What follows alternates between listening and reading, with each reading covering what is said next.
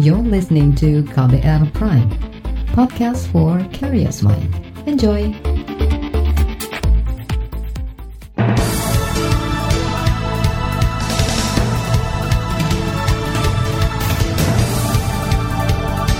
Selamat pagi saudara, senang sekali rasanya saya Reski Mesanto bisa hadir kembali pagi hari ini melalui program Buletin Pagi.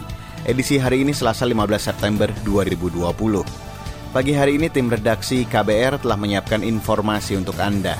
Di antaranya, kapasitas fasilitas kesehatan untuk COVID-19 belum sesuai standar WHO. KPK didesak merevitalisasi kepemimpinan internal dan 200-an anak di kota Bekasi terinfeksi virus corona. Dan saudara inilah Buletin Pagi selengkapnya. Terbaru di Buletin Pagi. Kita mulai buletin pagi hari ini, Indonesia dikhawatirkan akan mengalami kekurangan tempat tidur di fasilitas kesehatan untuk merawat pasien COVID-19. Kekhawatiran itu disampaikan epidemiolog Universitas Indonesia Syahrizal Syarif yang memprediksi jumlah kasus positif COVID-19 pada tiga bulan yang akan datang mencapai 500 ribu kasus. Kemarin, penambahan kasus baru konfirmasi positif COVID-19 sebanyak 3.141. Total konfirmasi positif virus corona dengan penambahan itu menjadi lebih dari 221 ribu kasus. Tanpa nggak usah pakai prediksi yang canggih, bahwa Indonesia akan mengalami defisit bed ya pada tiga bulan yang akan datang. Nah, terserahlah bagaimana Kementerian Kesehatan, uh, komite, satgas mencoba menangani itu ya silakan aja. Epidemiolog Universitas Indonesia Syahrizal Syarif juga mengingatkan pemerintah untuk menambah 8 ribuan tempat tidur lagi guna antisipasi kekurangan tempat tidur pasien COVID-19. Hal senada disampaikan Ketua Satgas COVID-19 Ikatan Dokter Indonesia atau IDI, Zubairi Jurban. Melalui KBR, ia menyarankan pemerintah harus segera menambah jumlah tempat tidur dan bahkan menambah rumah sakitnya sekaligus. Misalnya, mengubah rumah sakit yang tadinya non-rujukan menjadi rujukan pasien COVID-19. Sementara itu, situasi yang dikhawatirkan para pakar kesehatan saat ini terjadi di Depok, Jawa Barat. Kemarin, Wali Kota Depok, Jawa Barat Muhammad Idris mengumumkan rumah sakit rujukan pasien COVID-19 di wilayahnya sudah penuh untuk pasien bergejala berat. Bahkan dua rumah sakit utama rujukan milik pemerintah yaitu RSUD Kota Depok dan Rumah Sakit Universitas Indonesia melaporkan ruang ICU dan HCU mereka sudah 100% penuh. Namun Gubernur Jawa Barat Ridwan Kamil mencoba menyiasati hal itu dengan memindahkan perawatan pasien COVID-19 dari satu wilayah ke wilayah lain, yakni dengan memindahkan pasien asal Depok untuk dirawat di rumah sakit di kota Bogor. Ridwan mengakui kapasitas rumah sakit di Depok kini sudah kritis. Jadi tingkat keterisian rumah sakit Jawa Barat itu angkanya ada di 44 persen, ya. 44 eh, persen ini uh, masih aman terkendali karena standar WHO kan di angka 60 persen kalau tidak salah. Problem di Jawa Barat itu saya sampaikan apa adanya, uh, tingkat kesembuhannya kurang optimal, masih di angka 53 persen. Idealnya kami ingin ada di 70 persen. Itu tadi Gubernur Jawa Barat Ridwan Kamil. Kondisi yang hampir sama juga terjadi di kota Tangerang, Banten. Kapasitas tempat tidur di 32 rumah sakit rujukan pasien COVID-19 pekan lalu sudah pada level waspada. Kepala Dinas Kesehatan Kota Tangerang, Lisa Puspadewi mengatakan, tersisa 30 persen dari kapasitas total 505 tempat tidur.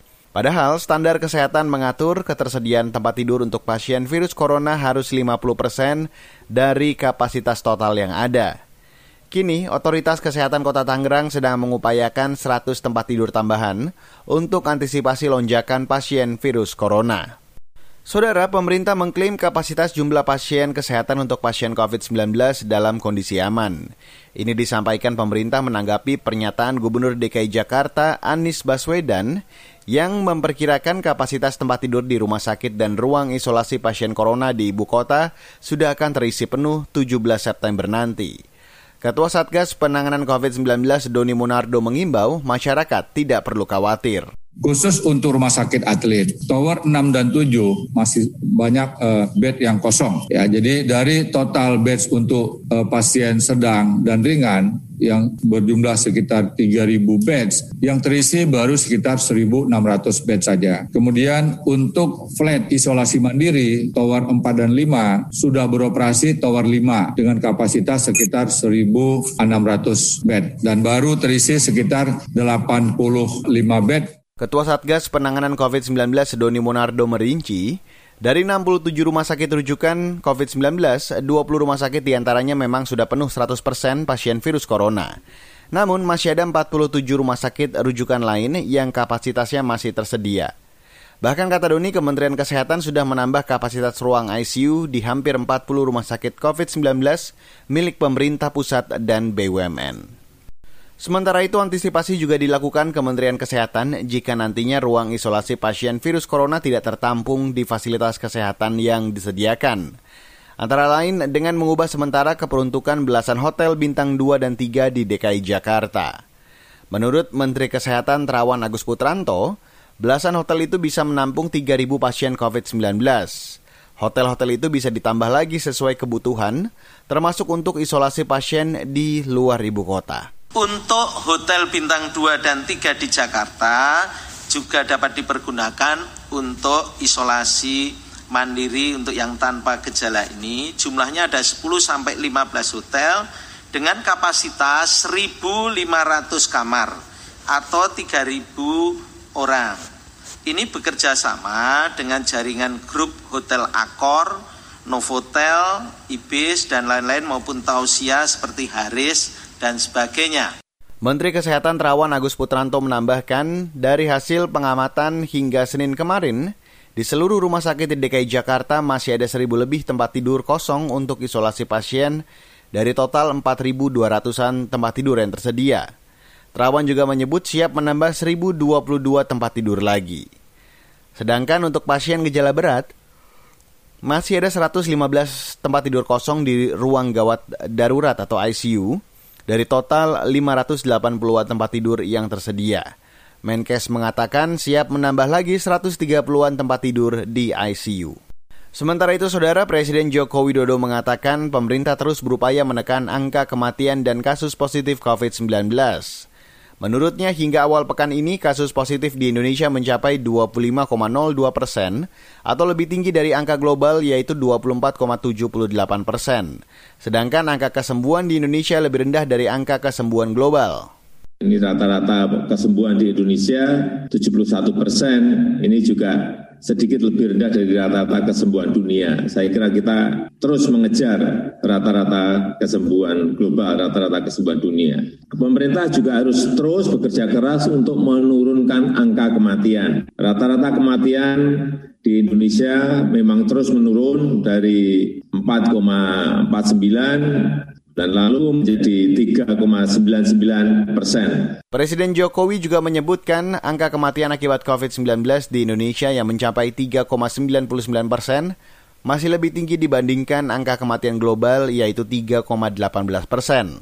Angka kematian ini sudah menurun dari sebelumnya yang mencapai lebih dari 4 persen.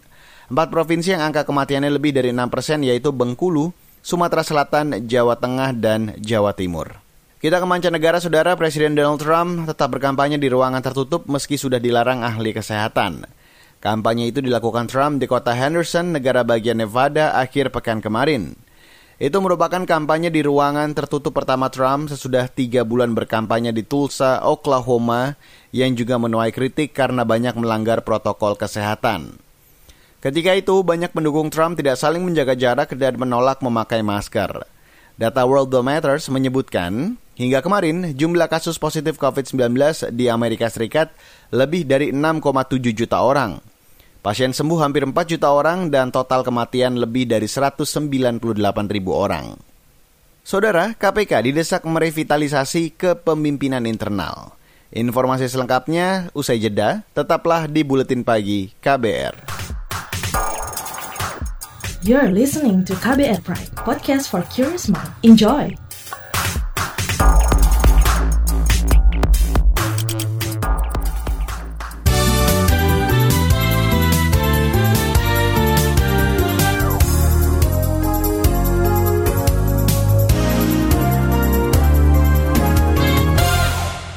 Saudara, Baris Krim Polri akan mengirimkan kembali berkas perkara surat jalan palsu dan penghapusan red notice Joko Chandra ke Jaksa Penuntut Umum atau JPU pekan ini. Sebelumnya, JPU mengembalikan dua berkas perkara tersebut karena kurang lengkap. Juru bicara Mabes Polri Awi Setiono mengatakan, dua berkas tersebut kini masih dilengkapi oleh penyidik. Terkait dengan berkas perkara red notice, memang tanggal 11 kemarin juga dikembalikan oleh JPU atau 2019 pada saat ini penyidik tahap koordinasi dengan JPU untuk pemenuhan petunjuk-petunjuk dari JPU terkait beberapa kekurangan material dan formil berkas perkara tersebut. Juru bicara Mabes Polri Awistiono menambahkan, Jaksa penuntut umum juga meminta penyidik Bareskrim melengkapi beberapa hal dalam berkas perkara surat jalan palsu, yakni melakukan pemeriksaan terhadap saksi yang meringankan tersangka ahli teknologi informasi dan tersangka yaitu Prasetyo Utomo. Awi mengklaim tiga kekurangan tersebut sudah dilengkapi oleh penyidik dan akan diserahkan kembali ke kejaksaan. Saudara, Guru Besar UIN Syarif Hidayatullah Azyu Mardi Azra menyoroti sidang dugaan pelanggaran etik Ketua KPK Firly Bahuri yang akan diputus Dewan Pengawas KPK hari ini. Ajumardi menilai ketidakpuasan terhadap kepemimpinan KPK sudah terjadi sedari proses seleksi calon pimpinan KPK bergulir. Hal itu berkaitan dengan pelemahan lembaga anti rasuah itu. Untuk itu Azumardi mendorong revitalisasi kepemimpinan KPK. Memang sepatutnya sebuah lembaga pemberantasan korupsi ya KPK itu harus menampilkan kepemimpinan yang yang bersih dan sederhana ya. Karena apa? Karena ya kita nggak tahu asal usul uangnya, tetapi secara etis dalam konteks pemberantasan korupsi kan tidak sepatutnya memakai helikopter ya. Kita nggak tahu uang siapa yang dipakai. Kalau Guru Besar UIN Syarif Hidayatullah Azur Mardi Azra menambahkan, untuk menolak pelemahan KPK, Presiden hendaknya mengeluarkan Perpu KPK dan mengembalikan regulasi sesuai Undang-Undang KPK tahun 2003. Sebelumnya, Koordinator Masyarakat Anti Korupsi Indonesia Tomaki Boyamin Saiman melaporkan Firly ke Dewan Pengawas KPK karena diduga bergaya hidup mewah dengan menggunakan helikopter milik swasta dalam perjalanan pribadinya. Ia diduga melanggar kode etik dan pedoman perilaku integritas sesuai peraturan Dewas KPK. Kita ke berita ekonomi, saudara. Jumlah unit penyertaan atau UP industri reksadana meningkat pada Agustus 2020 atau naik 2,47 persen dibanding Juli 2,15 persen. Mengutip Antara, peningkatan itu disampaikan perusahaan jasa penyedia informasi dan riset PT Infovesta Utama. Menurut Infovesta, pertumbuhan ini menandakan investor masih memiliki kepercayaan pada produk pasar modal, meski ada ketidakpastian kondisi ekonomi dan ancaman resesi. Kenaikan UP itu mendukung dana kelolaan industri reksadana yang meningkat sebesar 3,23 persen yakni dari 525 triliun pada Juli menjadi 542 triliun pada Agustus 2020. Reksadana yang mengalami peningkatan antara lain yang berbasis pasar uang, yakni naik 3 triliun lebih dan dengan kenaikan UP sebesar 3,16 persen. Kita beralih ke berita olahraga, bintang Paris Saint-Germain atau PSG Neymar melalui akun Twitternya mengaku menyesal tidak memukul wajah back Marseille Alvaro Gonzalez. Neymar termasuk satu dari tiga pemain PSG yang diganjar kartu merah pasca keributan antar pemain. Dua kartu merah lainnya diberikan untuk pemain Marseille. Neymar diusir wasit Jerome Blizzard sesudah melalui tayangan video asisten referee atau VAR terlihat memukul kepala bagian belakang Alvaro. Saat berjalan menuju ruang ganti, Neymar mengaku mendapat perlakuan rasialis dari Alvaro. Sementara itu dalam sesi jumpa pers, pelatih Marcel Andre Villas-Boas menyatakan tidak yakin Alvaro berlaku rasial kepada Neymar. Bekas pelatih Chelsea itu justru menilai Neymar agak terganggu dengan situasi yang terjadi di penghujung laga dengan kekalahan PSG 0-1. Saudara, laporan khas KBR bertajuk polemik program sertifikasi pencerama akan hadir usai jeda. Tetaplah bersama kami di Buletin Pagi KBR. You're listening to KBR Pride, podcast for curious mind. Enjoy!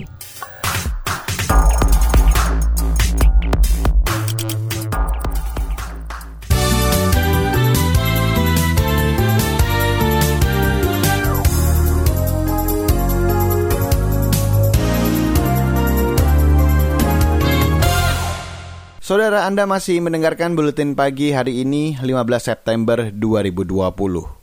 Menteri Agama Falul Razi kembali menyulut polemik. Kali ini lewat program sertifikasi penceramah atau DAI yang tujuannya untuk mencegah penyebaran radikalisme. Banyak yang menolak tapi tak sedikit juga yang mendukungnya. Simak laporan tim KBR yang dibacakan Astri Yuwanasari.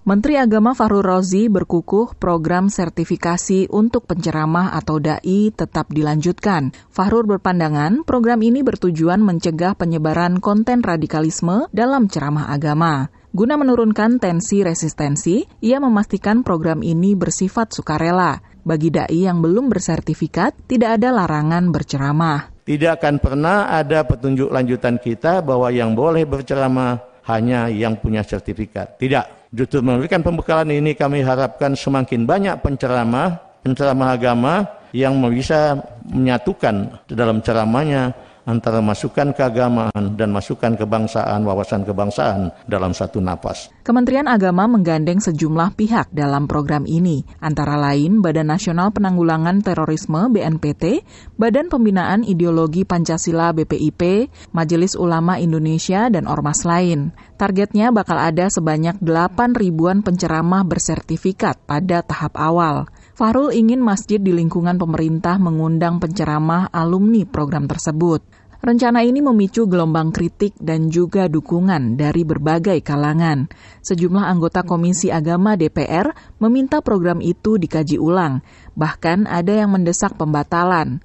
Wakil Ketua Komisi Bidang Agama di DPR Aceh Hasan Syadili keberatan karena program tersebut terlalu sensitif karena dikaitkan dengan radikalisme.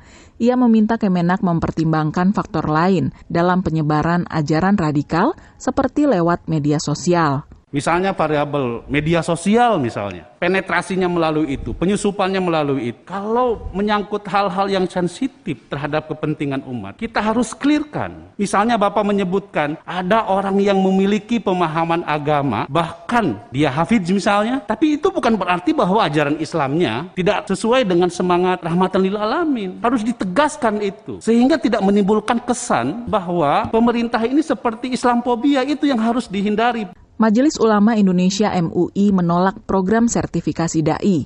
Wakil Ketua MUI Muhyiddin Junaidi khawatir program itu bakal disalahgunakan kelompok tertentu untuk mengancam atau melarang penceramah yang kritis terhadap kebijakan pemerintah. Selain itu, Muhyiddin mengklaim MUI bersama ormas-ormas Islam sudah memiliki sejumlah program pembekalan dai. Di dunia ini tidak ada dai yang bersertifikat. Dai itu hanya terregister, terdaftar. Jadi kita tidak bisa menyamaratakan, membuat para dakwah, para imam, dan para penceramah itu punya sikap yang sama. Oleh karena itu, demi kebaikan, agar tidak terjadi kesalahpahaman di kemudian hari, maka rencana tersebut sebaiknya dibatalkan saja. Meski begitu, Muhyiddin mempersilahkan jika pemerintah ingin memberikan pembekalan materi tentang pencegahan radikalisme kepada para penceramah atau dai, asalkan pembekalan itu tidak dibakukan menjadi sertifikasi. Sementara itu, tokoh muda Nahdlatul Ulama Zuhairi Misrawi mendukung program sertifikasi penceramah. Menurutnya, sertifikasi bermanfaat untuk meningkatkan kapasitas dan kapabilitas penceramah. Namun, sertifikasi itu menjadi otoritas organisasi keagamaan masing-masing karena tiap institusi memiliki karakter yang berbeda. Pemerintah dalam hal ini Kementerian Agama hanya bertugas memfasilitasi saja. Saya setuju memang tidak semuanya dengan mudah dianggap sebagai dai, ustadz atau penceramah. Mereka harus lulus ujian ya bahasa kita sertifikat. Tetapi sertifikat itu jangan dimonopoli satu kelompok, misalnya Majlis Ulama. Nah, Majlis Ulama Indonesia itu sebenarnya apa dia ini secara kelembagaan? Itu kan cuman itu forum organisasi umat Islam maka saya mengusulkan sertifikasi penceramah atau dai itu dikeluarkan oleh organisasi masing-masing. Zuhairi meminta ada materi tentang perlindungan terhadap kelompok Islam minoritas seperti Ahmadiyah dan Syiah dalam pembekalan para penceramah. Penceramah semestinya menyebarkan ajaran Islam ramah dan moderat kepada umat. Hal itu bisa mencegah tindak persekusi maupun diskriminasi terhadap minoritas terus berulang. Ya kita ingin supaya ceramah-ceramah keagamaan kita berkualitas karena kita melihat ada banyak sekali ceramah-ceramah yang kita anggap ngawur, keterlaluan, tidak bersumber pada hazanah keislaman yang otoritatif. Jadi ini lebih kepada kualifikasi. Nah dalam konteks bagaimana melindungi kelompok-kelompok minoritas di dalam hazanah Islam sendiri seperti Syiah dan Ahmadiyah, maka ya kita harus mengacu kepada Islam sebagai agama rahmatan lil alamin. Itu juga mungkin bisa dimasukkan dalam satu materi nanti tentang bagaimana eh, membekali para penceramah kita. Demikian laporan tim KBR, saya Astri Yuwanasari. Saudara informasi daerah akan kami sajikan usai jeda, tetaplah di Buletin Pagi KBR. You're listening to KBR Pride, podcast for curious mind. Enjoy!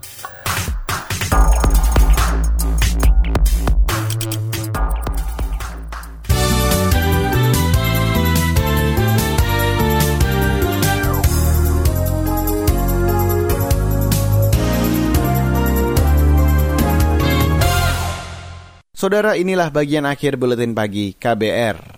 Satgas COVID-19 Kota Bekasi, Jawa Barat mencatat angka anak usia 0 hingga 19 tahun yang terinfeksi virus corona berjumlah ratusan orang. Wali Kota Bekasi sekaligus Ketua Satgas COVID-19 Rahmat Effendi menjelaskan, anak-anak yang positif corona tertular dari orang tuanya sehingga membentuk klaster keluarga. Sedangkan klaster keluarga di Bekasi tercatat sebagai yang tertinggi dengan 155 keluarga. Untuk kasus anak, data kasus anak di Kota Bekasi 0 sampai dengan 19 tahun, dari bulan Maret sampai dengan Agustus itu ada 211 kasus. Ya, dari bulan Maret, dari awal kita mulai. Tertinggi yang terjadi pada usia produktif, angka kasus tertinggi terjadi pada usia produktif, rentan 20 ke 50 tahun, ya, adalah usia 20-29 tahun 15 persen usia 30-39 tahun 20 persen. Wali Kota Bekasi Rahmat Effendi menambahkan jumlah usia produktif yang terinfeksi COVID-19 pada rentang usia 40 hingga 49 tahun sebanyak 20 persen. Angka kesembuhan 84,2 persen, kematian 3,4 persen. Rahmat mengklaim angka kesembuhan itu sudah termasuk yang sangat tinggi. Saudara, destinasi wisata Senggigi di Nusa Tenggara Barat coba terus dihidupkan kembali di tengah pandemi COVID-19. Kepala Dinas Pariwisata NTB lalu Muhammad Fauzal mengatakan, skenario terbaik masih terus digagas bersama Dinas Pariwisata Lombok Barat. Hal itu dilakukan supaya investasi properti seperti hotel, villa, restoran, kafe, dan lainnya terselamatkan dari dampak pandemi corona. Mencari skenario-skenario untuk kita menghidupkan ini. Karena kan investasi di situ kita harus selamatkan investasi orang yang begitu banyak di sini hmm. kan nggak mungkin sekarang orang mengangkat hotel itu ke mana dia mau kan? Dia harus berada di situ survive di situ. Nah satu saya jalan das pemerintah nih sekarang. Kepala Dinas Pariwisata NTB lalu Muhammad Fauzal juga mengingatkan destinasi wisata Sang Gigi harus memiliki hal yang beda dibandingkan Mandalika serta kawasan tiga gili lainnya. Bulan lalu, platform wisata terbesar di dunia TripAdvisor menempatkan Lombok di peringkat ke-16 destinasi wisata populer di Asia 2020. Posisi paling puncak masih ditempati Bali. Dan saudara informasi tadi menutup jumpa kita pagi hari ini di Buletin Pagi. Pantau juga informasi terbaru melalui kabar baru, melalui website kbr.id, Twitter kami at berita KBR, serta podcast melalui kbrprime.id. Akhirnya saya Reski Mesanto mewakili tim redaksi yang bertugas undur diri. Salam.